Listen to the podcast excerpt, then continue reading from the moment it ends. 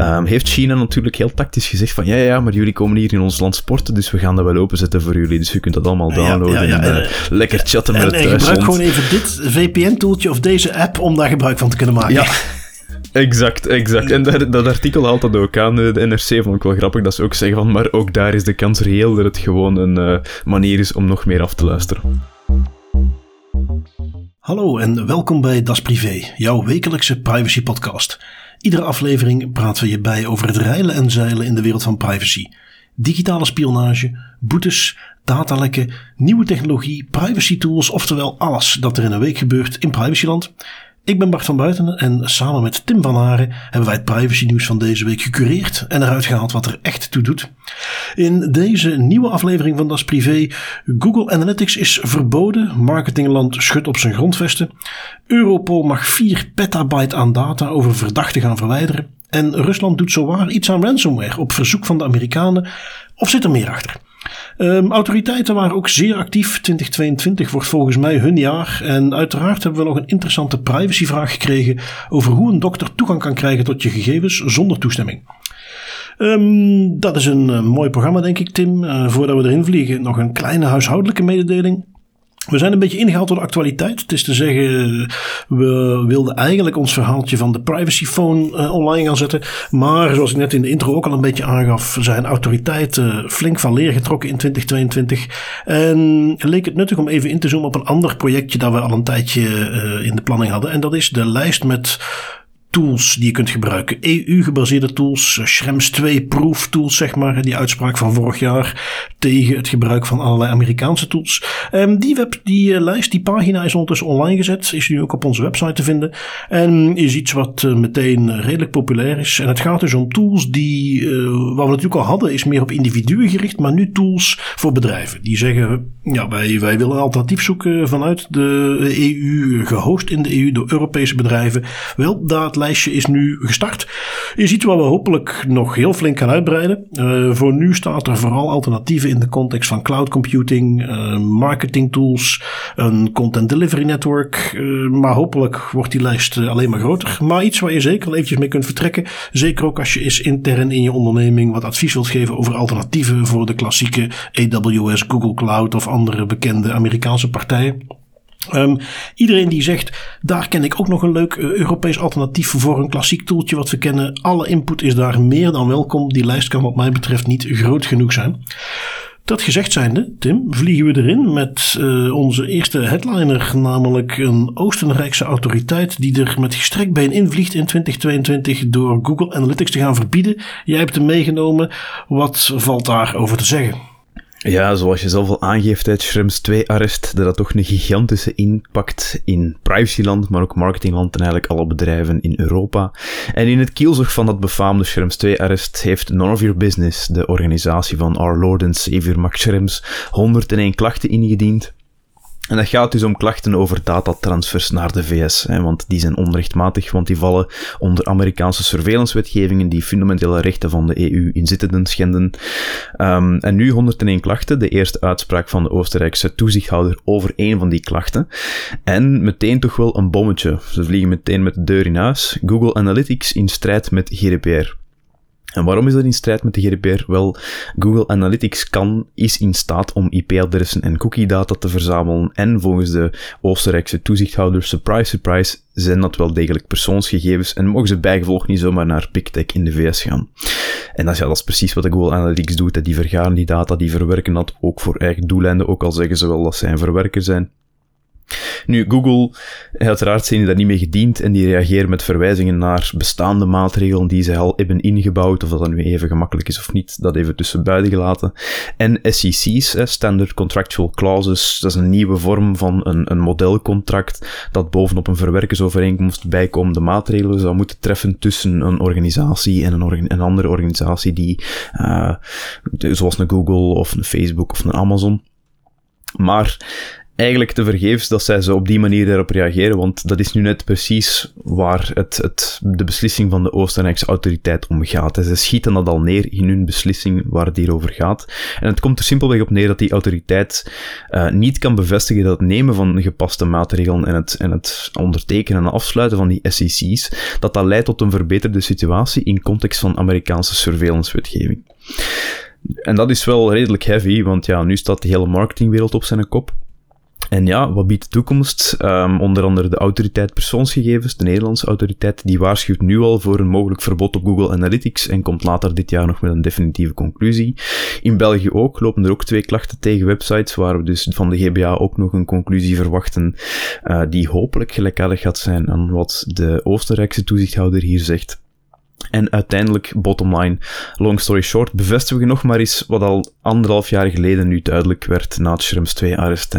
EU-bedrijven kunnen geen gebruik maken van VS-providers, want ja, die surveillance-wetgeving is daar gewoon uh, te privacy-invasief. En er zijn twee wegen die we nu kunnen gaan bewandelen. Of er komt adequate bescherming in de VS en een nieuw adequaatheidsbesluit, of we gaan echt afzonderlijke diensten in de EU moeten gaan oprichten die volledig onafhankelijk zijn van hun VS-moederbedrijven. Ja, een, een mooi bommetje. En, en ja, goed, voor, mocht je Google Analytics niet kennen, ga er maar vanuit dat praktisch iedere website-eigenaar, webshop, uh, 80% van de online sites, als daar iets van een commerciële insteek in zit, dan maken die gebruik van Google Analytics. De tool die gebruikt om bij te houden wie komt er op onze website, waar komen ze vandaan, waar zijn ze heen geweest, is toch echt wel de de facto standaard in, in marketingland. Um, is iets wat dus nu, want dat is misschien toch belangrijk om mee te geven, um, de manier hoe het is opgezet in deze specifieke klacht op deze specifieke website zegt de autoriteit dus gewoon, ja, Google Analytics kan niet.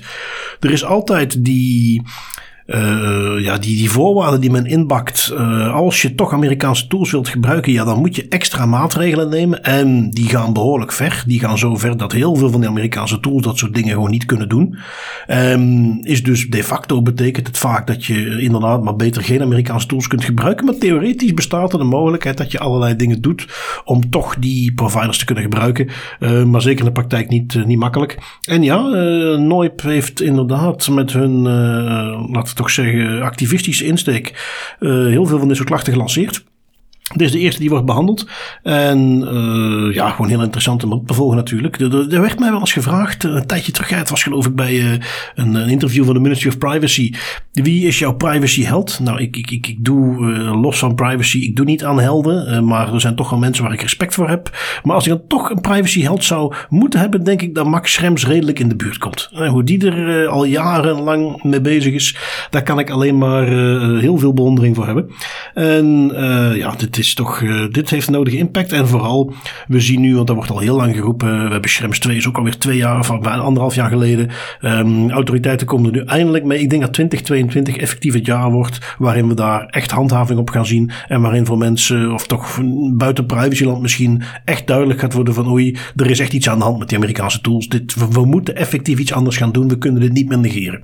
Ja, precies. En dus ook ideale timing om dan die Das Privé tooltip voor businesses te gaan opzetten hè, en online te gaan gooien. Ook omdat, ja, je zou het misschien niet denken, maar je hoort het bijna nooit, maar er zijn eigenlijk heel veel alternatieven die minstens even goed werken. Maar je moet ze gewoon vinden en je moet er bewust van zijn dat die daar ook rondzweven ja. Ja, ja. Ik, ik, ik, kreeg als eh, feedback, op, ook op LinkedIn had ik het natuurlijk gepost, ik kreeg al feedback eh, van iemand die zei, ja, maar al die Europese tools die zijn eh, slechter qua beveiliging en het is gewoon protectionisme.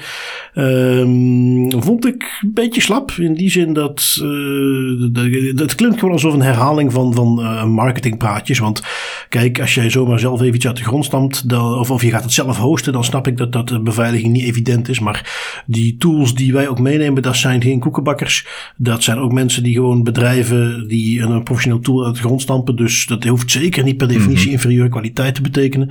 Het is wel iets waar we echt heel aandachtig moeten zijn. Ik heb ze expres laten staan in de tooltiplijst, maar dan doorgestreept. Want ook uh, wij proberen zo goed mogelijk daar onderzoek naar te doen. En twee die ik in eerste instantie had opgenomen bij wat nazoeken en, en hun documentatie bekijken en ook bij hen zelf navragen, blijkt dat die toch weer gebruik maken, ook al zijn het Europese bedrijven, um, dat die toch weer gebruik maken van Amazon of uh, Google Cloud. En ja, dan los je dit probleem dus niet op. Dus ja, uh, opnieuw, en, en dat is, um, we hebben hem niet gedaan, Tim. Misschien dat we dat volgend jaar eens kunnen doen. onze eigen voorspellingen voor 2022. Maar iets wat verlaat ga ik deze toch meegeven. 2022 wordt het jaar van handhaving op Amerikaanse providers. En dat dat in de industrie buiten puur de privacy professionals duidelijk wordt dat we er echt iets mee moeten gaan doen. Nu, uh, dat gezegd zijnde, ook uh, defensie heeft te maken met de problemen die ze voortkomen uit, laten we zeggen, Amerikaanse tools. Um, Log4j is een kwetsbaarheid die we al uh, genoemd hadden. Uh, dit keer geen surveillance tool, maar een open source tool die in heel veel producten verwerkt zit. Uh, maar die dus een gigantische kwetsbaarheid had. En ja, toch iets waar Defensie flink last van heeft gehad. Zij hebben vier weken platgelegen. Op 16 december, als ik me niet vergis, kwam voor het eerst een melding dat je geen mailtjes kon sturen, dat ze problemen hadden. En uiteindelijk heeft het vier weken geduurd voordat ze weer operationeel waren. Dat geeft toch maar eens aan wat, wat echt wel de impact impact van die kwetsbaarheid was. Ik heb ook bij uh, een aantal klanten, mm ook eentje waar ik als data protection officer werk, heb ik al eens gevraagd aan de IT-afdeling of de, de, de engineers. Van ja, gewoon praktisch. Ik bedoel, ik weet dat jullie ermee bezig zijn geweest. Maar hoeveel tijd heeft dat nu eigenlijk gekost? Hoeveel moeite heb je erin moeten stoppen? En die gaven toch ook wel aan dat ze vijf dagen bijna non-stop bezig waren geweest met alle systemen te patchen en aan te passen. En dat is echt geen hele grote onderneming. Uh, dus ja, dat, dat kan alleen maar meegeven hoe heftig als het uh, bij Defensie is. Uh, wat daar. Um, voor werk daarin gaat zitten om dat recht te trekken. Um, ik vond nog wel grappig in het artikeltje van het laatste nieuws. We hebben zowel de VRT als het laatste nieuws en, nog heel veel andere sites natuurlijk hadden er aandacht voor. Maar het artikeltje op het laatste nieuws ging men uiteraard beschrijven. Ja, Defensie is zoveel weken offline geweest. De woordvoerder heeft aangegeven dat is Log4j. En dan op het oog eigenlijk niet gerelateerd uh, beginnen ze over Charming Kitten. Wat dan de naam is van een Iraanse hackergroepering. Uh, waarbij ze dan dus niet benoemen van ja, ja, ja, dit, dit, dit is die Iraanse hackergroepering, maar er eigenlijk als het ware ineens uit het niets beginnen over een Iraanse hackergroepering. Onder het mom van ja, we willen toch even kunnen insinueren dat dit de Iraanse hackers waren, zonder dat we het al te duidelijk zeggen, want eigenlijk is er op geen enkele manier bewijs voor. Um, ik vraag me ook af in hoeverre Defensie vier weken echt plat lag, uh, omdat ze niet konden werken, of in hoeverre ze gewoon vier weken, en dat snap ik volledig met de gevoeligheid van de gegevens die daar waarschijnlijk zitten, gewoon de boel bewust plat hebben gelaten, totdat ze echt zeker wisten dat alles gepatcht was. En dat je daarom ze niet kon mailen. Want intern gaven ze ook al aan dat het mailverkeer vrij snel weer op gang kwam. Uh, dat het alleen extern was, dat ze daar uh, redelijk lang mee gewacht hebben. Maar toch een, een mooi en een eens een keertje dichter bij huis. Een voorbeeldje van hoe Log4j toch zeer reële impact had in uh, privacy en security land. Ja, en dat ligt in mijn ogen ook een interessant risico bloot. Of dat bevestigt het eigenlijk nog maar eens. Want Log4j, als ik me niet vergis, is dat ook... Dat is eigenlijk een stukje software dat wordt onderhouden door mensen in hun vrije tijd. Of mensen die er eigenlijk niet veel voor worden betaald. Maar als je dan gaat kijken wat de impact was op wereldwijde schaal, dan is dat hallucinant. En dat, dat bevestigt nog maar eens, ja, er zullen nog wel zo van die stukjes software zijn die worden onderhouden door een open source team, door vrijwilligers, door mensen die dat als hobby doen, uh, waar ook een heel, een heel stuk van de industrie op steunt oh, om hun diensten te kunnen leveren. En, en dat is heel zorgwekkend dat, dat we eigenlijk in zo'n wankele infrastructuur werken. Ja, nou ja, kijk, het enige, en, en ja, Defensie duidelijk er wel last van gehad, hè, maar uh, ik luister ook graag een paar andere uh, security podcasts. En iets wat daar een paar keer naar voren kwam was toch van hoe relatief beperkt de impact tot op heden eigenlijk nog is. Hè? Hoe weinig we daar echt van gigantische hacks mm -hmm. hebben gezien. Nu goed, wat niet is kan nog komen. Dat kan natuurlijk nog, want die, dat, inderdaad, die, die software zit in op zoveel plekken. Daar, daar gaan we nog uh, maanden, zo niet jaren lol van hebben. En een, een type organisatie wat daar met veel plezier gebruik van zal maken, zijn natuurlijk van die ransomware operators. Um, dat is dan een mooie segue naar het artikeltje waar jij hebt meegenomen, Tim. Want we hebben iets unieks en dat is zeker niet ransomware. Dat is verre van uniek, maar wel dat het zo waar lijkt alsof er om dat aan te pakken assistentie is van Rusland. Artikeltje van Tweakers heb jij meegenomen. Ja, dat is, dat is wel een nieuwe in de podcast. En ook gewoon in securityland. De Russische geheime dienst, de FSB, die heeft een groep hackers aangehouden die achter de gevreesde Revil ransomware zouden zitten. Daarbij zijn in totaal 25 woningen in Moskou, Sint-Petersburg en Lipetsk onderzocht, waarbij 14 leden van de bende zijn opgepakt. En ook nog eens 20 auto's, 600.000 dollar, 500.000 euro en 426 miljoen roebel, wat dat ook weer neerkomt op 4,86 miljoen euro, in beslag genomen. Dus ja, crime pays in dit geval, totdat ze natuurlijk gepakt worden door de Russische geheime dienst. Wat dat opvallend is, want uh, ze hebben deze arrestaties uitgevoerd op verzoek van de Amerikaanse autoriteiten. En waarom is dat opvallend? Wel, vroeger werden ransomware-bendes in Rusland meestal maar rust gelaten, zolang dat ze geen Russische slachtoffers maakten. Maar die attitude is duidelijk veranderd na de aanval op de Colonial Pipeline, wat dan een grote Amerikaanse oliepijplijn was. En toen werd ransomware plots een heel gevoelig topic voor de Amerikaanse overheid. Ze hebben onder andere uh, bestempeld als een terroristische daad en op, dezelfde, op hetzelfde niveau gezet van hoe dat ze daarop gaan reageren. En dat leidde ook tot vernieuwde samenwerking met Rusland. Um, en dit is eigenlijk het eerste effectieve gevolg dat we hiervan zien, van, van deze kettingreactie. Uh, dat er een, een ransomware-bende en dan nog een gigantische zoals Re-Evil eigenlijk wordt opgerold door de Russische diensten. Vind ik wel merkwaardig. Ja, heel merkwaardig. En uh, kijk, als je erover nadenkt, uh, Biden, de Amerikaanse president, die was al in gesprekken met uh, Poetin. Uh, werd ook met veel bombardie mm aangekondigd in de Amerikaanse pers. Had hij aangegeven, onze kritische infrastructuur, daar blijf je vanaf. En gaf ook aan wat voor impact dat had gemaakt op Poetin, dat ze de rechten gingen houden. En tegelijkertijd hebben we qua ransomware aanvallen, daar is weinig van te merken geweest. En dan krijg je ineens dit. En dan gaan we eventjes ons aluminium hoedje opzetten, want er waren een aantal interessante alternatieve theorieën over uh, dat dit niet alleen maar uh, Poetin is die onder de indruk is van de smeekbeden van Joe Biden en die besloten heeft om toch maar assistentie te gaan verlenen, maar dat er misschien meer achter zit. Uh, eentje die ik wel leuk vond, die ik voorbij zag komen, is dat ze aangaven van ja, um, de FSB, hè, de Russische inlichtingendienst, die, die zocht gewoon nieuwe recruten en dit was een ideale manier om ze binnen te halen. Dus je pakt ze even op, geeft ze de keuze of je komt voor ons werken of je gaat de bak in. En toevallig kunnen ze dan de Amerikanen even paaien. Maar eigenlijk hebben ze nu, uh, als ik jouw lijstje goed heb gevolgd, 14 extra medewerkers met hacking skills. Dat is uh, theorie 1. Uh, eh, theorie 2, die ik als je het politieke discours tussen Rusland en Amerika een beetje gevolgd hebt, die ik wel waarschijnlijk vind, die ik, ik in ieder geval vind passen in de, uh, de double speak die je vanuit Rusland mag verwachten. En dat is dat ze zeggen van ja, dit is iets wat ze vanuit Rusland één keer doen. Om vervolgens te laten zien, en want er is heel veel discussie rond Oekraïne, rond allerlei andere dingen die spelen. Om vervolgens te laten zien, maar kijk, mm -hmm. dit mhm. is het soort ondersteuning wat jij voor de rest op je buik kunt schrijven. Als jij ons geen toegift gaat doen in de context van Oekraïne.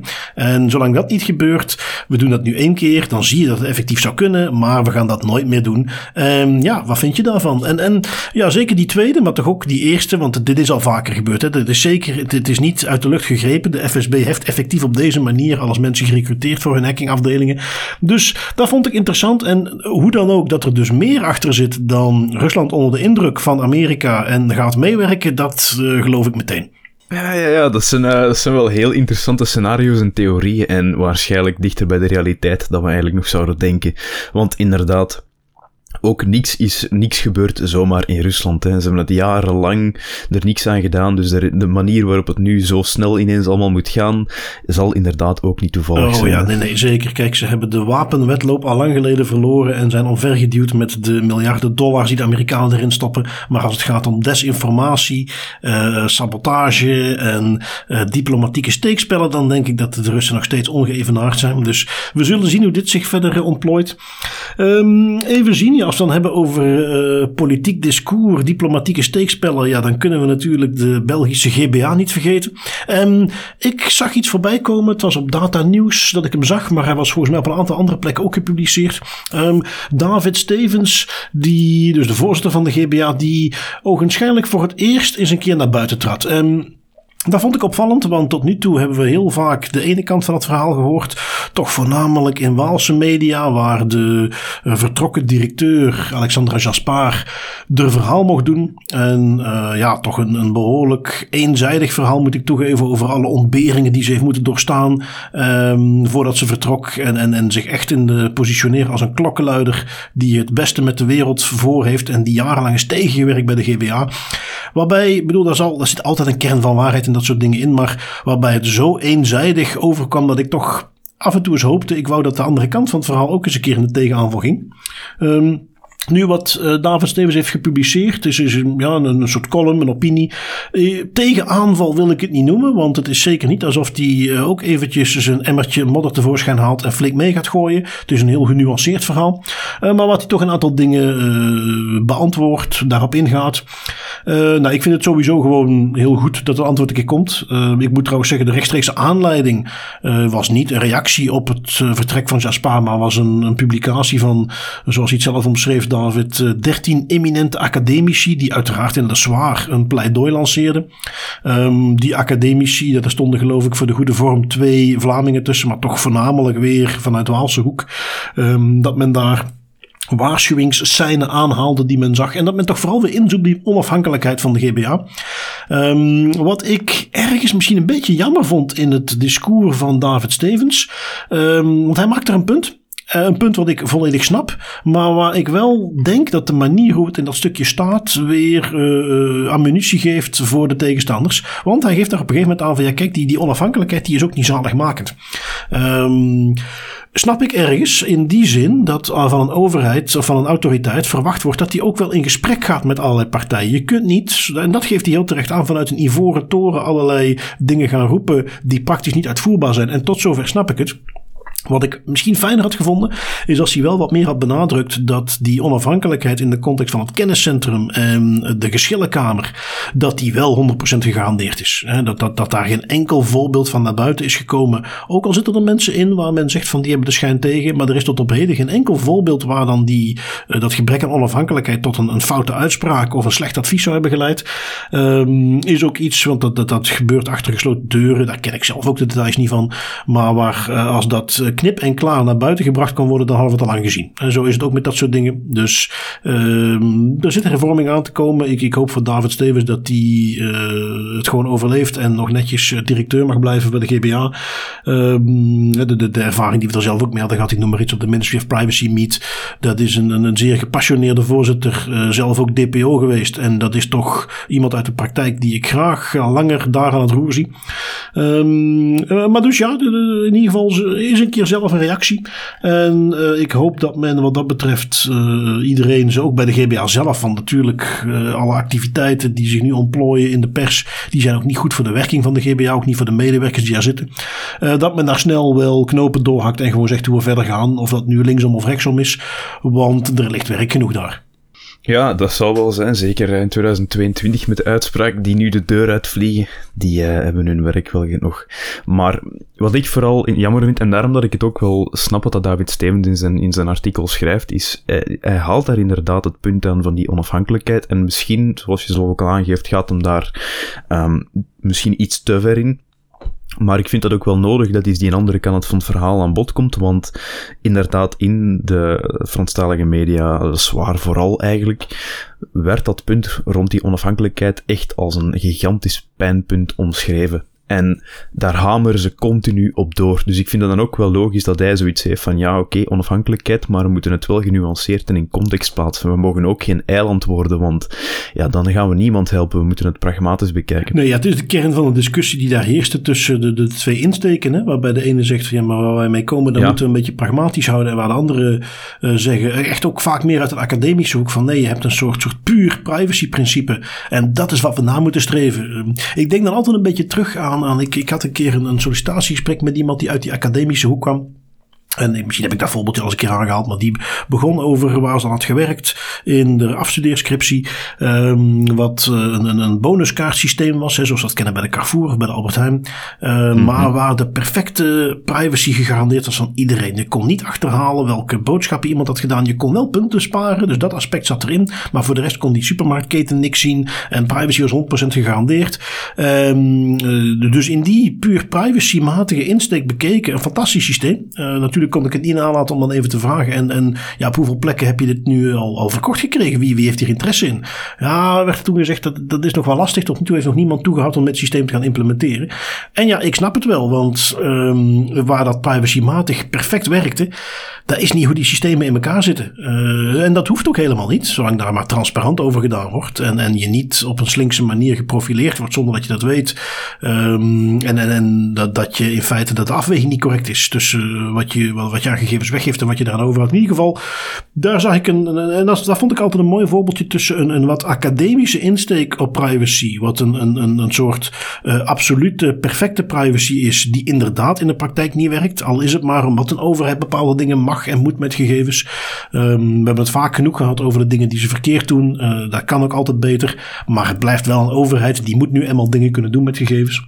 Nou goed, die, die insteek, en dat zag ik dus ook een beetje terug in het verhaal, het discours van uh, David Stevens. Van ja, zo'n overheid willen wij niet zijn, want dan bereik je inderdaad dat je in een ivoren toren zit, dat je fantastische adviezen schrijft die academisch, privacy technisch 100% kloppen, maar die in de praktijk niet uitvoerbaar zijn. Daar hebben we ook niks aan. Um, maar dus ja, goed, tegelijkertijd toch netjes dat hij eens een keer uh, ook het, uh, de weg naar voren zocht. En ik hoop dat we daar ook vrij binnenkort wat duidelijkheid krijgen over waar dat toe gaat leiden. Um, eens even zien. Jij hebt nog een interessante meegenomen. Ik had die ook gezien, inderdaad. Um, uit het NRC had jij hem. Kwam op veel plekken voorbij. Maar daar was een, interessant advies ten aanzien van de Nederlandse Olympiërs. die binnenkort naar China gaan voor de winterspelen. Welk advies krijg die mee, Tim? Ja, en ik denk dat de, zo goed als alle luisteraars die al een paar afleveringen luisteren wel voelen waar dit naartoe gaat. De sportkoepel NOC-NSF, de Nederlandse sportkoepel tenminste, die neemt in aanloop van de Olympische Winterspelen in Beijing voorzorgsmaatregelen voor de cyberveiligheid van Nederlandse sporters. Uh, waar het op neerkomt is eigenlijk dat de sporters hun persoonlijke toestellen niet mogen meenemen naar China uit angst voor, ja, shocker surveillance. Want wie in China op internet gaat, ja, die maakt natuurlijk gebruik van infrastructuur onder volledige controle van de Chinese overheid. En dat is niet zo handig als je, ja, ik zeg maar wat, trainingsschema's, medische gegevens van sporters en persoonlijke berichten wil beschermen en niet zomaar wilt laten inkijken door Jan en Alleman. Zeker niet van de Chinese overheid. Dus zij mogen hun eigen gsm's, laptops niet meenemen, maar krijgen in de plaats daarvan plaatsvervangende apparatuur voor de reis naar China, die daarna netjes de shredder ingaat en vernietigd wordt. Ik vind dat zeker in de context van een evenement zoals de Olympische Spelen, en misschien ben ik daar een beetje een idyllische denker in, maar ik vind het hallucinant dat het, want eigenlijk de Olympische Spelen komt voor mij nog altijd neer op een internationaal sportevenement dat landen samen moet brengen, dat we dan dit soort advies moeten gaan opleggen aan sporters van over heel de wereld van kijk jongens, dit is gewoon een land dat je niet kan vertrouwen met je digitale toestellen. Ja, ik vind dat jammer, zeker in de context van de Olympische Spelen. Ja, en uh, kijk, die kwam op een aantal plekken voorbij. Ik geloof dat ik ook op de Tweakers podcast hoorde ik ze er ook over praten. En dan zeiden ze nu van ja, maar ja, waar, waar heeft zo'n sporter nu uiteindelijk, wat zou die nou aan data kunnen hebben? Maar ik hoorde jou er al een paar noemen. En, en laten we wel zijn, ik bedoel, je moet niet vergeten hoe men naar dit soort events kijkt. Hoe dit ook uh, propagandisch uitgemolken kan worden, dat jij goed hebt gepresteerd als land. Denk maar aan hoe het, bedoel, ja, om hier een, eh, beetje een, een Godwin te doen, maar verwijzing naar de naties. Ja, daar waren die Olympische Spelen ook een zeer belangrijk punt om zo goed mogelijk te scoren, om uit te kunnen dragen hoe fantastisch uh, het fascisme wel niet was voor Duitsland. Ik vind het helemaal niet ver gezocht dat men vanuit China eenzelfde insteek wil hebben. Dat men daar zo goed mogelijk wil presteren. Dat is toch altijd een gigantische strijd wie de meeste medailles verzamelt hè, tussen de Verenigde Staten en China.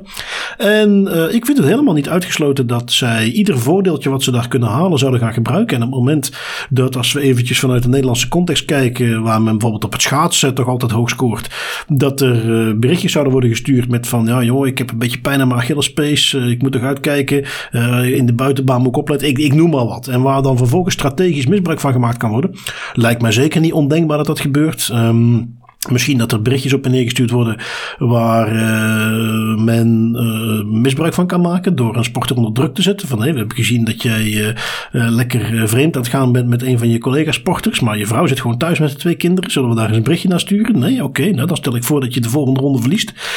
Zo gek is dat allemaal niet. Dat zijn nu eenmaal de dingen die gebeuren. Dus ja, ik denk dat ook dat soort sporters wel degelijk gevoelige informatie kunnen hebben. Ander terechtpuntje wat ik dan wel weer hoorde en, en waar ik dan wel hoop dat ze dan op die manier dan maatregelen tegen hebben genomen. Je geeft die mensen dan een zogenaamde burnerphone. Eh, tenzij daar het internet gewoon helemaal op dichtgetimmerd staat, kan ik me wel voorstellen dat het eerste wat die mensen doen is daar WhatsApp op installeren, Gmail op installeren. En we hebben de vorige aflevering gehad over het principe van een root certificaat. We hebben ook al eens verwezen naar het feit dat een collega van ons die in China kwam in zijn hotel meteen een pop-up kreeg om zo'n root certificaat te installeren. Zonder hier de technische details er weer bij te halen. Maar als als jij zo'n burnerphone krijgt, je zet daar al die toeltjes weer op en je installeert zo'n root certificaat op die telefoon, ja, dan kan al die communicatie alsnog weer onderschept worden natuurlijk. Dus ik ben benieuwd hoe ze dat dan opgevangen hebben. Uh, maar in ieder geval, Uh, het principe dat ze dit toepassen, snap ik volledig. Uh, als zelfs ik als uh, onbenullige Bart van Buiten ooit naar China zou gaan, of het nu op toerisme is of voor zaken, reken maar dat ik inderdaad ook een leeg toestel meeneem. Um, want ja, dat, dat risico nemen we gewoon niet. Nee, precies. En dat is nog een terecht risico dat je ook aanhaalt rond het installeren van inderdaad WhatsApp, maar ook andere westerse apps eigenlijk op die, op die burnerphones. Waar dat eigenlijk normaal gezien uh, onmogelijk is, omdat er in China gewoon een Great Firewall is die het downloaden en installeren van dergelijke apps niet toelaat, tenzij je natuurlijk gebruik maakt van VPN's. Um, heeft China natuurlijk heel tactisch gezegd van ja, ja, maar jullie komen hier in ons land sporten, dus we gaan dat wel openzetten voor jullie, dus je kunt dat allemaal downloaden ja, ja, en, uh, lekker chatten met en, het thuisland. En gebruik gewoon even dit VPN-toeltje of deze app om daar gebruik van te kunnen maken. Ja. Exact, exact. En dat, dat artikel haalt dat ook aan. De NRC vond ik wel grappig dat ze ook zeggen van, maar ook daar is de kans reëel dat het gewoon een uh, manier is om nog meer af ja, te Ja, precies. Ik bedoel, uh, we hebben gezien dat, dat, in de vorige aflevering dat Ipsos al zo'nzelfde toeltje op kan zetten voor een kijkonderzoek. Dan denk ik dat de Chinese ja. overheid het ook wel voor elkaar krijgt om wat te doen om een ik paar duizend ook. sporters af te luisteren. Um, dus ja, een stukje misbruik van gegevens mogen we daar toch zeker wel verwachten. Um, als we dan kijken naar misbruik van gegevens wat dichter bij huis, heb ik er eentje meegenomen. Een uitspraak in Nederland bij de rechtbank. Eentje die zeker in de, de begintijd van Das Privé veel voorbij kwam, namelijk de GGD de uh, gezondheidsdienst in Nederland, die ook rond de vaccinaties van alles regelde, die een systeem gebruikte om mm -hmm. wat dingen te registreren wat zo lek was aan het mandje, waar veel te veel mensen toegang toe hadden. Wel, een van die mensen heeft zich ondertussen in de rechtbank gevonden um, en die heeft te horen gekregen welke straf die krijgt voor de misbruik van gegevens wat hij heeft gedaan. Uh, in de uitspraak wordt dan nog eventjes gerecapituleerd wat hij ook alweer had gedaan. Hij had gegevens van 484 mensen ingezien, wat niets te maken had met het werk wat hij moest doen bij de GGD. Uh, en daar ging het dus om medische gegevens, vaccinatiegegevens. Uh, daar zaten ook de zogenaamde bekende Nederlanders tussen, waarvan gegevens geraadpleegd zijn. Die gegevens zijn dan overgenomen, uiteraard geëxporteerd, want dat kon, als je nog herinnert. Je had daar een exportfunctie, je hebt geen enkele manier weer bijgehouden. Ehm, is vervolgens heeft de verdachte die gegevens ook via Telegram verdeeld, verkocht ja, zoals we al weten, de beerput van de berichtentools Telegram. Dus dat dit daar kon gebeuren mag ook niet te veel verrassing opwekken. Um, deze ging nog één stapje verder. Behalve die data dan verkopen of daar inzage ingeven, heeft hij ook nog gebruikt om mensen op te lichten. Uh, wat hij bijvoorbeeld deed, was iemand die net een afspraak had gemaakt voor haar echtgenoot om een coronatest te laten doen. Die werd dan via de gegevens die opgehaald waren in die database, werd die gebeld en gezegd van, oh ja, je afspraak is geannuleerd.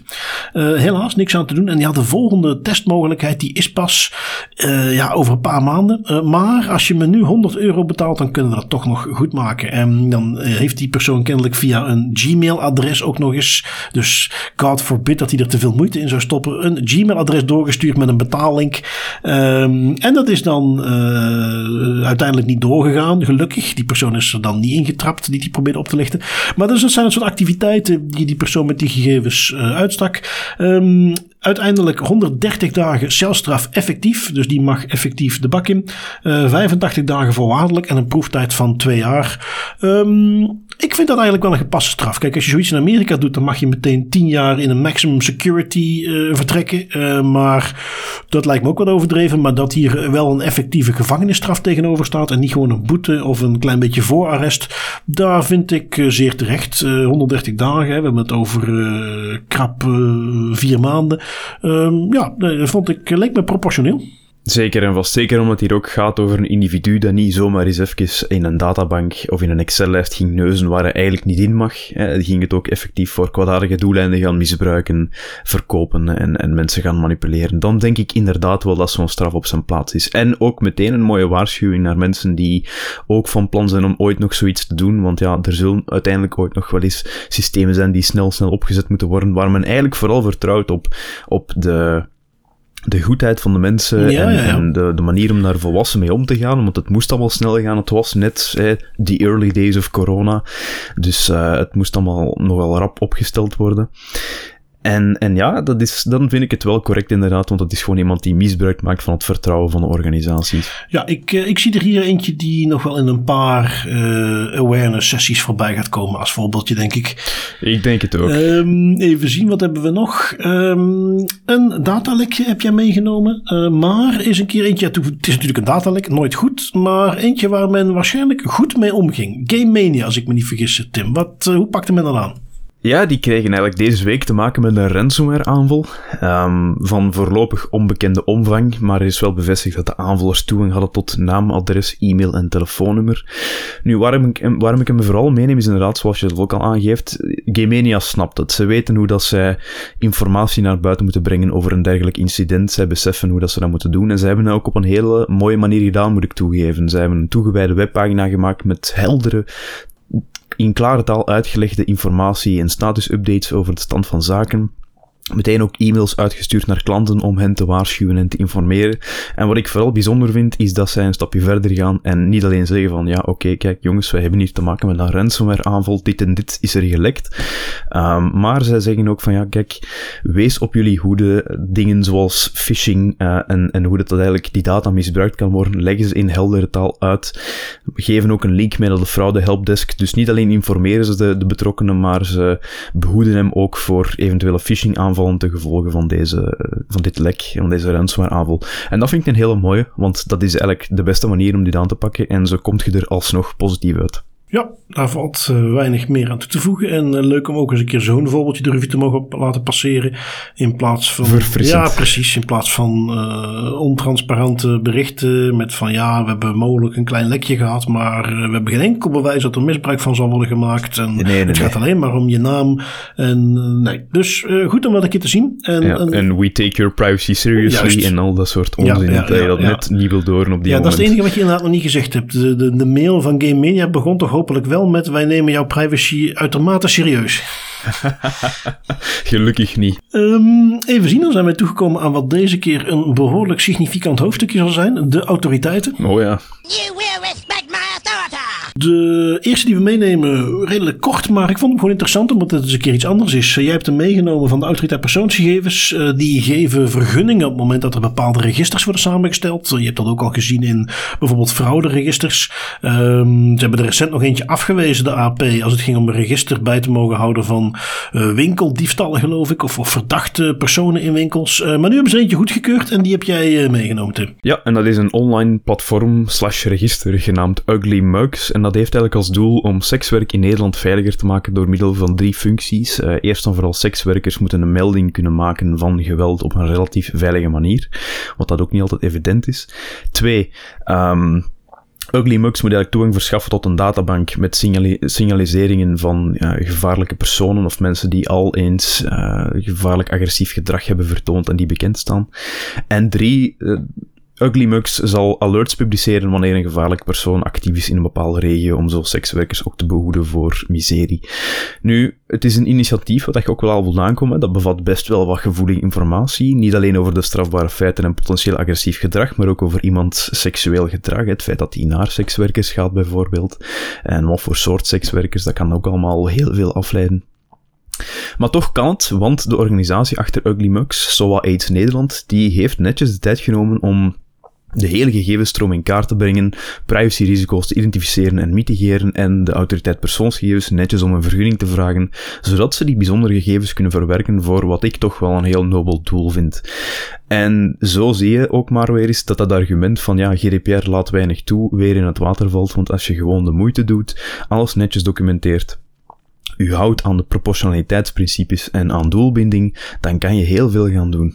En dat heb ik ook hier gezien, daarom dat ik hem ook meeneem om even een shout-out te geven naar het Ugly Mugs uh, platform, want zij hebben dat heel netjes gedocumenteerd en aangepakt. Ja, absoluut. En, en de context hier uh, ja, mogen ook duidelijk zijn. Je, je, hebt vaak situaties waarin de proportionaliteit een beetje zoek is. Maar ik denk dat we hier een situatie hebben waarin. En dat is ook iets wat natuurlijk in dat protocol ook heel duidelijk voorbij komt. De manier hoe ze ermee omgaan. En dat is duidelijk getoetst waar de juiste afwegingen worden gemaakt om zo'n platform te beheren.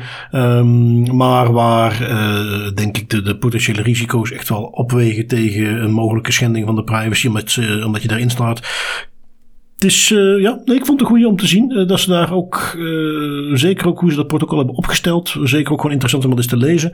Um, en dus goed, die vergunning is goedgekeurd. Um, even zien welke andere autoriteiten hadden we. Ja, ik heb er eentje meegenomen uit Portugal. En ik moet zeggen, die zien we niet veel voorbij komen. Uh, we hebben er een tijdje terug hadden we er eentje. Ik weet zelfs niet of die in de podcast zat. Maar waar de Portugese autoriteit, een stokje stak voor um, het gebruik van Cloudflare. Omdat dat in die Schrems 2 context al een probleem was. Maar voor de rest hebben ze niet heel veel voorbij zien komen. Maar ze pakken nu meteen flink uit met een boete van 1,2 miljoen voor de stad Lissabon.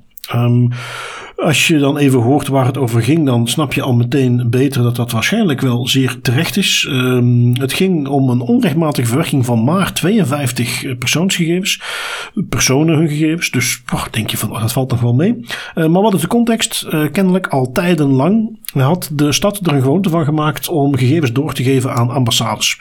Uh, wat voor soort gegevens? Wel, als er protesten waren bij die ambassades en daar werden mensen opgepakt, dan ging men aan de rand doorgeven welke dat waren. En ging men dus um, uh, door, ja, gewoon informatie geven over dit waren de mensen die aan het protesteren waren, die we opgepakt hebben. Uh, het ging niet om de minste ambassades. Uh, het ging dus om bijvoorbeeld China. Het ging om bijvoorbeeld Rusland. Ja, daar hebben we het natuurlijk over bij uitstek. Okay. landen die niet bekend staan om het feit dat ze goed omgaan met mensen die protesteren tegen het regime. Integendeel, um, ik denk dat dat ook wel een beetje meespeelt in de context hier en waarom daar zo'n serieuze boete voor werd opgelegd. Het is natuurlijk iets wat structureel plaatsvond, wat al jaren plaatsvond, wat zwaar onrechtmatig is. Maar waar hier het risico voor de betrokkenen natuurlijk heel tastbaar is, laten we wel zijn. Rusland gaat niet contact opnemen met de betrokkenen of zijn familie om te zeggen van hé, hey, dat je nou voor onze ambassade stond te protesteren, dat vonden we toch niet zo tof. Daar gebeuren hele andere dingen mee, in China ook. Uh, als je er vanaf komt met een jaartje heropvoedkamp, dan denk ik dat je genadig mag zijn. Um, dus nee, dat, dat vond ik uh, zeer terecht dat men daar eventjes uh, paal en perk aan stelde. En dus een vrij serieuze boete, ook al relatief beperkt aantal personen vanwege de, de context van de verwerkingen hier. Uh, dus het doorgeven van uh, demonstranten, activistengegevens aan de betreffende landen, hun ambassade. Uh, niet netjes van Lissabon. Nee, helemaal niet netjes. En heel blij dat er daar een privacywaakhond is die ook nog eens wakker schiet. Want inderdaad, je hoort er niet veel van. Maar als ze dan wel in actie schieten, dan is het wel ineens meteen raak. Hè? Want oh, wat, wat voor een vreemd concept ook dat je gewoon Zeker inderdaad, hè, als je dat gewoon doet als een soort van een, een, courtesy dingetje, ja, dan kan ik dat nog snappen, maar ik denk dat je dan ook wel een soort van risicoanalyse moet maken van ja, kijk, hoe hard kunnen die mensen in de problemen komen afhankelijk van naar welke ambassade ik die gegevens stuur. Ja. En dan China, Rusland, inderdaad, zoals je al zegt, niet de meest vergevingsgezinden. Hè?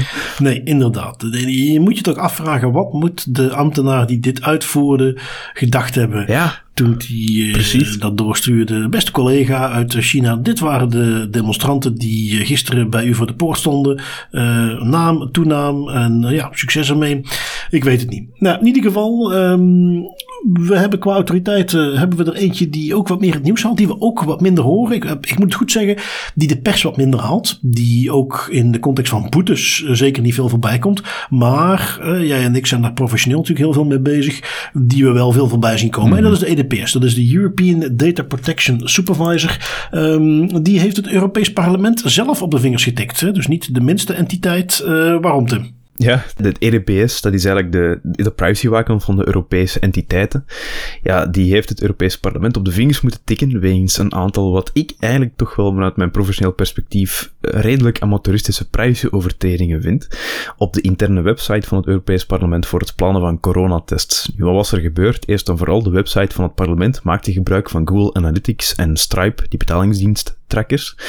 Um, dus ook weer al, als we terugkijken naar ons eerste topic, onrechtmatige gegevensuitwisseling naar de VS, want er waren gewoon geen technische of organisatorische maatregelen genomen, ook niet als die in theorie zouden werken, ze waren er gewoon niet. Maar wat ik eigenlijk nog schandaliger vond, is dat het hele privacybeleid van die website uh, van het Europees Parlement gewoon klakkeloos was gekopieerd van het testcentrum van de Brusselse luchthaven Zaventem. En daar stonden zelfs nog verkeerde verwijzingen in en onjuiste informatie die ook nog eens varieerde per taalversie. Dus of je nu in het Engels of in het Frans of in het Nederlands of whatever zou gaan klikken, uh, daar zou andere informatie aan bod komen, wat dat gewoon echt ja, op niets slaat. Hè. Ja, het Europees Parlement had gelukkig de het klassieke excuus. Ja, maar het was de partner die wij in de arm hadden genomen om dit te doen, die hiervoor gezorgd heeft. En ja, helaas ja, ja. was dat niet voldoende om de dans te ontspringen. Dus uh, lijkt me zeer terecht dat de EDPS nee. daar een stokje voor stak. Geen boete. Ze zijn wel op de vingers getikt, officieel een reprimande gekregen. En ze hebben nu één maand de tijd om de situatie te herstellen. Ja, ik, ik, ik, uh, ik zou het eens op moeten zoeken. Ik weet niet zeker hoe dat zit. Um, maar de EDPS die, die heb ik nog geen boetes weten opleggen. En ik vraag me af of ze dat überhaupt wel kunnen. Uh, omdat zijn de, de ja, EDPS, dat is dus de GBA voor de Europese instellingen. Uh, waar ook onze GBA geen boetes kan opleggen aan overheidsinstellingen. Zou het mij niet verbazen als de EDPS dat ook niet kan. Um, zeker als je bedenkt, de volgende die we hebben meegenomen, ook van de EDPS. Deze vond ik toch wel extra leuk. Um, Europol. Uh, ziet je nu af en toe eens voorbij komen. Dat was een, een wat obscuurdere organisatie jaar geleden. Maar tegenwoordig zijn er ook uh, series, zelfs uit Amerika, waarin Europol dan eens voorbij komt als een, een serieuze Europese politieentiteit. Um, een beetje de, de, de, FBI van Europa zou je kunnen denken. Um, en daar is onderzoek geweest mm -hmm. naar de manier hoe zij gegevens verzamelen. En, en niet zo'n beetje. Heel concreet, om meteen de spoiler mee te geven. De uitspraak is dat Europol 4 petabyte aan data moet vernietigen. Om dat toch heel kort even te kaderen. Als je wel eens een keer een harde schijf kocht van 1 terabyte of online 1 terabyte cloud storage had. Ik heb dat zelf ook wel eens gehad. Dan dacht ik van nou, daar kan ik even mee toe. Ik weet niet of ik dat vol ga krijgen. Wel, 4000 keer dat. Dat is waar we het hier over hebben. Of gewoon om het nog één trapje laag te doen. 4 miljoen gigabyte. Um, met andere woorden, heel veel gegevens. Uh, waar komt dat nu vandaan? Wel, dat zijn gegevens van ongeveer een kwart miljoen huidige of voormalige verdachten. Uh, mensen die dus op de een of andere manier uh, ja, verdacht waren in een misdrijf. Niet alleen zijzelf, maar ook alle contacten die ze hadden. En die dus doorgestuurd werden de afgelopen zes jaar door nationale politiediensten. Um, waar men nu achter is gekomen, of wat in ieder geval het onderzoek naar buiten heeft gebracht, is een groot probleem met proportionaliteit. Oftewel, Mogen wij die gegevens al bijhouden? Is dat wel uh, relevant? Uh, we hebben het hier dus over gegevens die al zes jaar waren bijgehouden. Als we niet kunnen aantonen, en dat is wat hier het grote probleem was, dat die mensen effectief iets te maken hebben met een bepaald misdrijf. Ze werden wel aangemeld als verdachten, maar als je binnen zes jaar, of van mijn part vier jaar, of twee jaar, of zelfs één jaar niet kunt aantonen dat iemand iets met een misdrijf te maken heeft gehad, ja, dan wordt het misschien tijd om die eens uit zo'n databank te halen. En dat is precies wat de EDPS ook heeft meegegeven. De termijn, als ik me niet vergis, is uh, zes maanden. Dat ze zeggen, als je binnen zes maanden niet hebt kunnen laten zien dat er geen link is tussen uh, verdachte en een bepaald misdrijf, ja, dan ga je die gegevens moeten verwijderen. Let wel, het zijn die gegevens die worden doorgegeven door nationale politiediensten. Dus het is niet alsof die gegevens gewoon volledig verdwijnen. Het is wel dat tegen Europol wordt gezegd, als jullie er ja, op geen enkele manier kunnen aangeven dat dit een, echte verdachte is, dan moet je die gegevens verwijderen. Um, ja, zoals we natuurlijk wel vaker zien in de context van overheidsentiteiten die worden geconfronteerd, hè, want het is eigenlijk een stukje data dataretentie eigenlijk. Met het probleem met dataretentie is dat men zegt wel we gaan een stukje wetgeving maken wat dit voortaan wel mogelijk maakt. Um, ik ben wel benieuwd in hoeverre men dat er door gaat krijgen, maar dat is toch in ieder geval zeker het plan uh, om dus wetgeving te maken om het alsnog mogelijk te maken. Want uiteindelijk zie je hier hetzelfde probleem als met andere dataretentiewetgeving. Um, je moet wel degelijk kunnen aantonen dat hier een link is met echte misdaden en je mag niet zomaar een opvraging doen en dus in dit geval 4 petabyte aan gegevens bijhouden, just in case. En dat is net de basis van wat er ook probleem is met die dataretentiewetgeving die we over heel Europa zien neergesabeld worden. En waar dus nu ook Europol mee te maken heeft gekregen ja, ergens typisch en weinig verrassend. Um, al moet ik ook wel toegeven dat ik denk niet dat Europol dit deed uit kwaadaardige opzet. Hè. Ik denk dat het weer al zo'n klassiek geval was van, ja, ze wisten gewoon niet goed welke retention period ze moesten gebruiken, of ze wisten gewoon niet goed hoe dat ze dat allemaal moesten gaan instellen, want er was gewoon, er is gewoon geen wetgeving rond, of te weinig wetgeving rond om dat duidelijk te maken. Dus dan houd het maar allemaal indefinitely bij, tot als er iemand een probleem van maakt. Goed om te zien dat de EDPS daar nu ook op ingrijpt. Uh, 4 petabyte, holy shit, dat is wel heel veel data. Benieuwd hoe dat ze dat gaan klaarspelen. Nou ja, ze hebben een jaar de tijd gekregen om het te, te vernietigen. Dus ook de EDPS was zich bewust van het feit mm, dat okay. dit niet een kwestie is van select all en delete. Uh, maar dat daar waarschijnlijk wel iets meer werk in gaat zitten.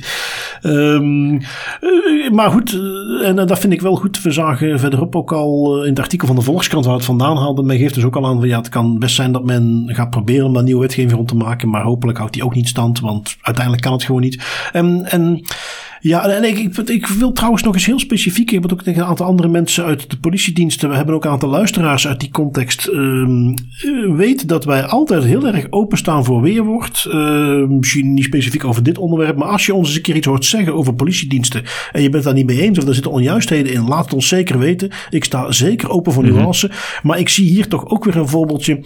Waarbij we de reflex uh, ook bij politiediensten politiediensten van we gaan het gewoon bijhouden, just in case we gewoon zien dat werkt niet, dat gaat nu eenmaal in tegen mensenrechten. Je hebt zeker als politiedienst mogelijkheden om gegevens te verzamelen, die te gebruiken, maar je zult altijd die proportionaliteit in acht moeten nemen, de juiste balans zoeken tussen gegevens verzamelen om uh, criminele verdachten op te sporen en, en nu eenmaal ervan uitgaan dat het merendeel van de mensen geen verdachte is, geen crimineel is en dat we dus niet zomaar just in case een hele berg gegevens kunnen gaan verzamelen. Dat is uiteindelijk het principe waar het hier ook weer uh, misging. Um, ja, ja, precies. Hebben we nog een privacy-vraag uh, meegenomen? Um, deze luisteraar die zei: Ik wil graag anoniem blijven. Nou, uiteraard hebben we daar bij Das Privé geen enkele moeite mee. Maar ik vond het wel een, interessante vraag. Uh, eentje die uh, ja, jij en ik, omdat we ook in de, in, de, in de gezondheidssector toch wel eens rondlopen, al wat vaker voorbij hebben zien komen. Um, de vraag luidt: Het is een, wat langere vraag, maar opnieuw zeer interessant. hoe zit met je medisch dossier? Hoe zit het met je medisch dossier als je bij een arts komt? hoe zit het met je medisch dossier als je bij een arts komt die je niet kent? En niet zelf in staat bent om te communiceren, laat staan toestemming te geven. Heel concreet, stel je hebt een verkeersongeval, je wordt bewusteloos binnengebracht op de IC. Heeft deze arts dan toegang tot mijn medisch dossier om bijvoorbeeld te checken of ik al dan niet allergieën heb? Stel dat die arts dan toegang heeft, kan ik dan achteraf transparant checken wat hij daarmee gedaan heeft? Welke evenwichten spelen mee en aan welke verplichtingen moet deze arts dan voldoen? Dus nou, een uh, serieuze vraag, een paar zijvraagjes om een, een, paar dingen eventjes te overlopen. Um, we hebben het al, al vaak gehad over het feit dat in de context van de GDPR heb je een goede reden nodig om gegevens te mogen verwerken. En in een online context zie je vaak dat we toestemming hebben. Het kan zijn dat je een contract hebt met een partij waardoor ze gegevens mogen verwerken. Een andere die daartussen zit is vitaal belang. Dat is op het moment dat wij iemands leven gaan redden. Ja, dat kan ook een reden zijn om gegevens te mogen verwerken. Dat, dat, is wel ongeveer die context. Hè. Je kunt niet zeggen van goh, uh, we gaan eens verzamelen welke allergieën uh, iedereen in de klas heeft en we gaan er in een lijstje bijhouden just in case. Nee, het gaat echt om levensbelang. Nou, het voorbeeldje wat de, uh, de vraag schetst. Ik kom bewusteloos binnen op de IC. Ik heb acuut medische hulp nodig. Mag dan een arts aan mijn gegevens komen? Je hebt de eerste variant. Stel, die gaat even in jouw portefeuille kijken. Uh, die gaat daar even zoeken naar een bloedgroepkaart. Naar misschien uh, andere medische gegevens. Um, ja, daar is niks mis mee. Precies omdat dat in die context van dat vitaal belang is. Op dat moment is dat nodig om potentieel jouw leven te redden. Um, een stapje verder kan inderdaad een arts op dat moment ook toegang krijgen tot medische gegevens die in een dossier zitten. Um, we kennen uh, het globaal medisch dossier. Het feit dat je als uh, persoon, patiënt kunt zeggen: Ik geef toestemming om mijn gegevens te delen met uh, andere zorgverleners. Dat is normaal gezien alleen maar bedoeld voor mensen die, zoals dat zo mooi heet, een therapeutische relatie hebben. die jou aan het behandelen zijn. Of dus opnieuw als jij toestemming hebt gegeven om gegevens door te geven. Maar er is een functie en die bestaat ook in heel veel eh, software van medische dossiers. Dat heet Break the Glass. Um, die term staat voor, zoals je wel kunt bedenken, uh, brandalarm. Ik moet het glas breken om het alarm af te kunnen laten gaan. Um, break the Glass functie in een, een, een dossiersysteem in een ziekenhuis bijvoorbeeld betekent. Ik kan als arts, ook al heb ik geen therapeutische relatie op dat moment met iemand. Ik kan aangeven, ik heb hier een hoogdringende noodzaak waardoor ik toch toegang moet krijgen tot deze gegevens. Als een functie die je inroept, afhankelijk van het software systeem, is dat een druk op de knop of moet je daar net iets meer acties voor doen. Maar uiteindelijk kun je dus op die manier inderdaad als arts toegang krijgen. Um, ja, dan de vervolgvraag is, uh, ja, hoe, hoe, gebeurt dat dan? Is dat transparant? Um, ieder medisch systeem wat zo'n functie biedt, moet daar logging van bijhouden. Die moet dus bijhouden. Op dit moment heeft deze uh, zorgverlener uh, op die manier via die functie toegang gegeven tot jouw systeem, of tot jouw dossier. Um, eerlijkheid gebiedt mij te zeggen dat dat ook wel iets is wat uh, soms wat te makkelijk gebruikt wordt. Um, dat kan zijn omdat een arts zegt van ja, de, de, de administratieve mallenmolen is nog niet doorgelopen. Ik had al lang toegang moeten hebben, maar het is nog niet gebeurd. Huppakee, break the glass. Uh, daar zijn ook binnen ziekenhuizen voorbeelden van simpelweg misbruik. Uh, familielid wat eens even het dossier uh, opvraagt, omdat hij nu helemaal arts is, maar die weet dat een familielid in het ziekenhuis ligt. Wat is er mee aan de hand? Ook dat kan zonder per se kwade bijbedoelingen zijn. Um, en kan natuurlijk aanzienlijk kwadere bijbedoelingen hebben. Um, concreet zou dat moeten betekenen dat eigenlijk idealiter in ieder ziekenhuis er iedere week of iedere maand een lijst wordt getrokken van al die toegangen. En dat die allemaal worden nagekeken. Dat is hoe je daar uh, natuurlijk toezicht op zou kunnen houden. Um, Je ziet er natuurlijk ook wel veel werk in gaat zitten. Dus of dat overal op die, op die manier kan gebeuren, dat is sterk de vraag. Um, maar in ieder geval, dat is een voorbeeldje van een waarborg wat is ingebouwd. Ten eerste moet een arts altijd kunnen bewijzen dat dat uit noodzaak was. Is dat niet zo, heb je het risico op ontslag. Uh, ik ken ook voorbeelden waarbij het effectief gebeurd is. Dat een zorgverlener ontslagen is, omdat hij zich op die manier onrechtmatig toegang verschafte tot een medisch dossier. Um, op zich moet een arts uh, of een zorgverlener uh, niet aan speciale verplichtingen voldoen zoals het in de vraag gesteld werd. Ja, je bent zorgverlener. En dat betekent dat je sowieso een bepaalde deontologie naleeft. Um, en daar heb je natuurlijk wel aan moeten verbinden. Maar voor de rest hoef je niks speciaals te doen op het moment dat je in die tool daar gebruik van maakt ergens ook logisch natuurlijk. Op het moment dat jij, uh, op het moment dat het een, noodsituatie is en je wilt toegang tot die gegevens krijgen. En jij moet eerst een aanvraag lanceren die uh, een bepaald formulier inhoudt. Wat ondertekend moet worden en wat 1, 2 uur onderweg is. Dat is niet de bedoeling. Dus dat moet ook wel toegankelijk zijn. Uh, maar dat is een beetje de context waarin men dus inderdaad in, in die medische situatie zich toegang kan verschaffen tot gegevens. Um, bijvoorbeeld ook jouw globaal medisch dossier. Iets wat tussen haakjes echt wel levens kan redden. ik weet en ik ben daar zelf ook wat van teruggekomen. In eerste instantie was ik toch wat huiverig om daar toestemming voor te geven. Maar misschien is dat iets wat met de leeftijd komt. Uh, maar waar ik toch gezegd heb van ja, eigenlijk waar maak ik me eigenlijk, uh, in mijn geval is het iets wat mijn leven kan redden. Um, ik heb natuurlijk ook in die gezondheidssector rondgelopen. Ik heb er voldoende vertrouwen in dat daar, ja, er is risico, altijd, maar de voordelen wegen er tegenop. Dus uh, ik geef mijn toestemming voor het delen van die gegevens. Um, een keuze overigens die iedereen voor zichzelf moet doen. Uh, toch nog even meegeven trouwens dat je dat via mijngezondheid.be, daar kun je gewoon inloggen met bijvoorbeeld It's Me, ook met je EID-kaart. En daar kun je precies bekijken welke keuze je op dit moment hebt staan.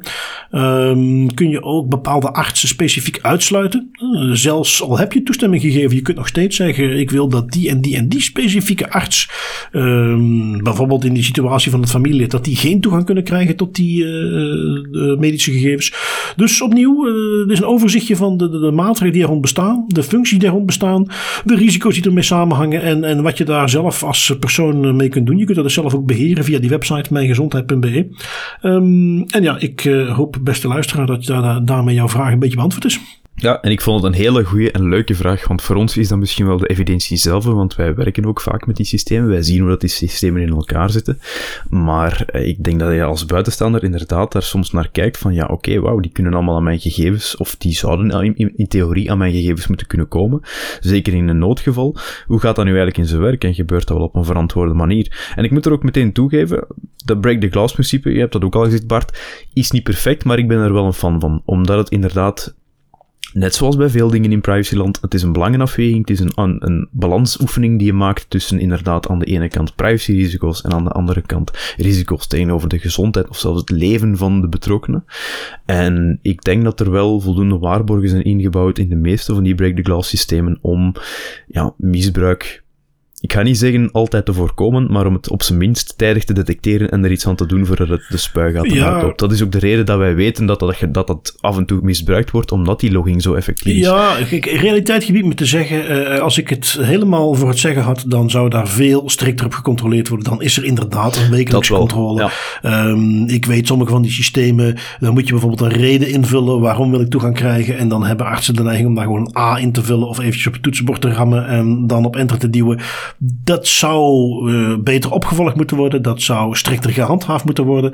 Um, maar ik denk dat de, de, de voordelen van zo'n systeem hebben hier toch echt wel opwegen tegen de nadelen. Um, willen we dat nog verbeteren? Ja goed, dan moeten we misschien wat, wat streng gaan handhaven. Maar laten we wel zijn, dat is eigenlijk wat we rond GDPR privacy technisch over de hele linie genomen kunnen zeggen. Die handhaving mag best wat sterker. um, oh ja, en die zal misschien komen in 2022. 2022 wordt het jaar, Tim. Dat wordt het jaar. de autoriteiten wordt de grootste rubriek in Das Privé Podcast. Uh, we zullen het zien. Dan hebben wij nog een aantal privacy pointers, wat tips. Um, je hebt er eentje meegenomen, Tim, die meteen op onze business tooltip pagina erbij kan. Uh, waar gaat die over? Ja, ja, het is een Nederlands vervanger voor de populaire betaaldiensten zoals Stripe, um, Molly. En Molly wordt gehost op Baseform en True, wat twee Europese bedrijven zijn met datacenters in de EU.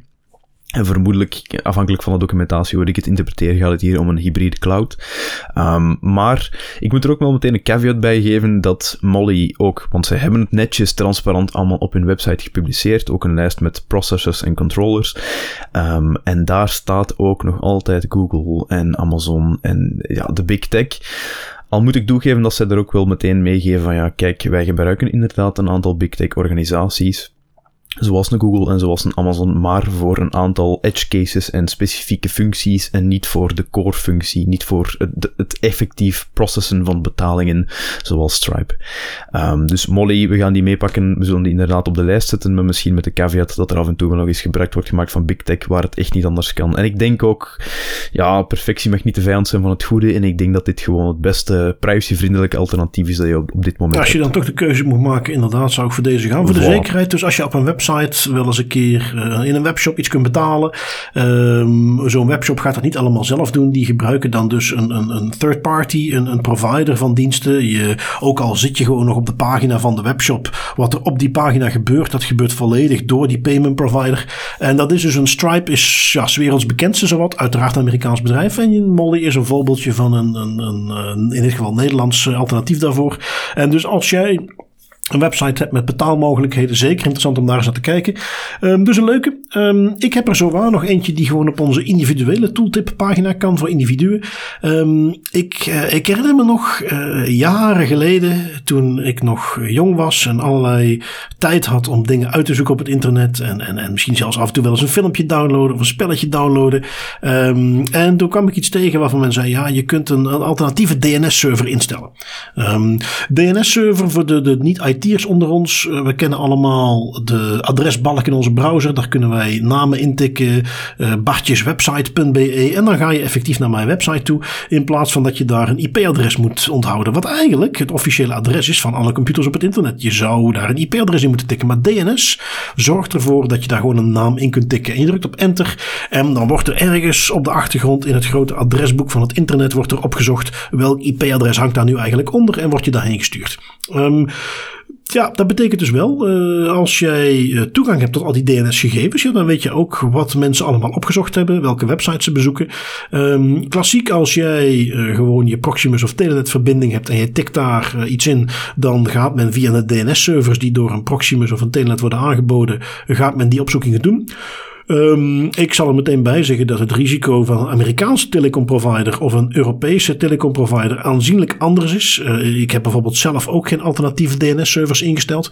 Maar destijds was ik daar wel wat naar aan het kijken. En Google bood dat aan. Nou, toen hadden we het nog over de Google die do Don't Be Evil als slogan had. Die toen heel wat goodwill had. En waarbij ik dus dacht van nou, ik heb liever dat Google mijn DNS-verkeer ziet dan anderen. En ik gebruikte dus de Google DNS-server. Uh, ik geloof dat 8.8.8.8 is, uh, die DNS-server. Um, nu goed, om de voor de hand liggende redenen is dat op een gegeven moment uh, meteen aangepast. Dan maar mijn eigen telecomprovider. En om nu tot de kern van mijn tooltip te komen. Er is een alternatief, een Zwitserse non-profit, die ook zo'n DNS-resolver, zo'n DNS-server aanbieden. Die je kunt instellen. De handleidingen staan op hun site zelf. Um, de naam is Quad9. Dat geeft al aan, het IP-adres van die DNS-server is 9.9.9.9. Um, ja, die bieden bepaalde garanties. Opnieuw, het is een non-profit. Uh, website is zeker interessant. En als je dus uh, daar als te kijken van ja, ik heb liever niet dat mijn provider dat soort uh, opzoekingen kan zien, is dit een hele interessante. En dat is dus eentje die ik meegenomen in, in onze individuele tooltip. Quad9.net is dat en dus een Zwitserse DNS-provider. Um, ja, een hele leuke. Ja, inderdaad. Um, ja, Tim, dan zijn we er doorheen voor deze week. Ik moet zeggen, ja, al zeg ik het zelf, ik vond dit een buitengewoon interessante. Heel veel handhaving, heel veel grote entiteiten, heel veel data waar iets interessants over te zeggen viel. Ik uh, hoop dat volgende week net zo interessant wordt. Um, uh, ik, we wachten even af. Ik dank uiteraard weer onze luisteraars om weer een uurtje naar jou en mij te luisteren, Tim. En ik zie jou volgende week. Yes, tot volgende week. bye. bye. bye.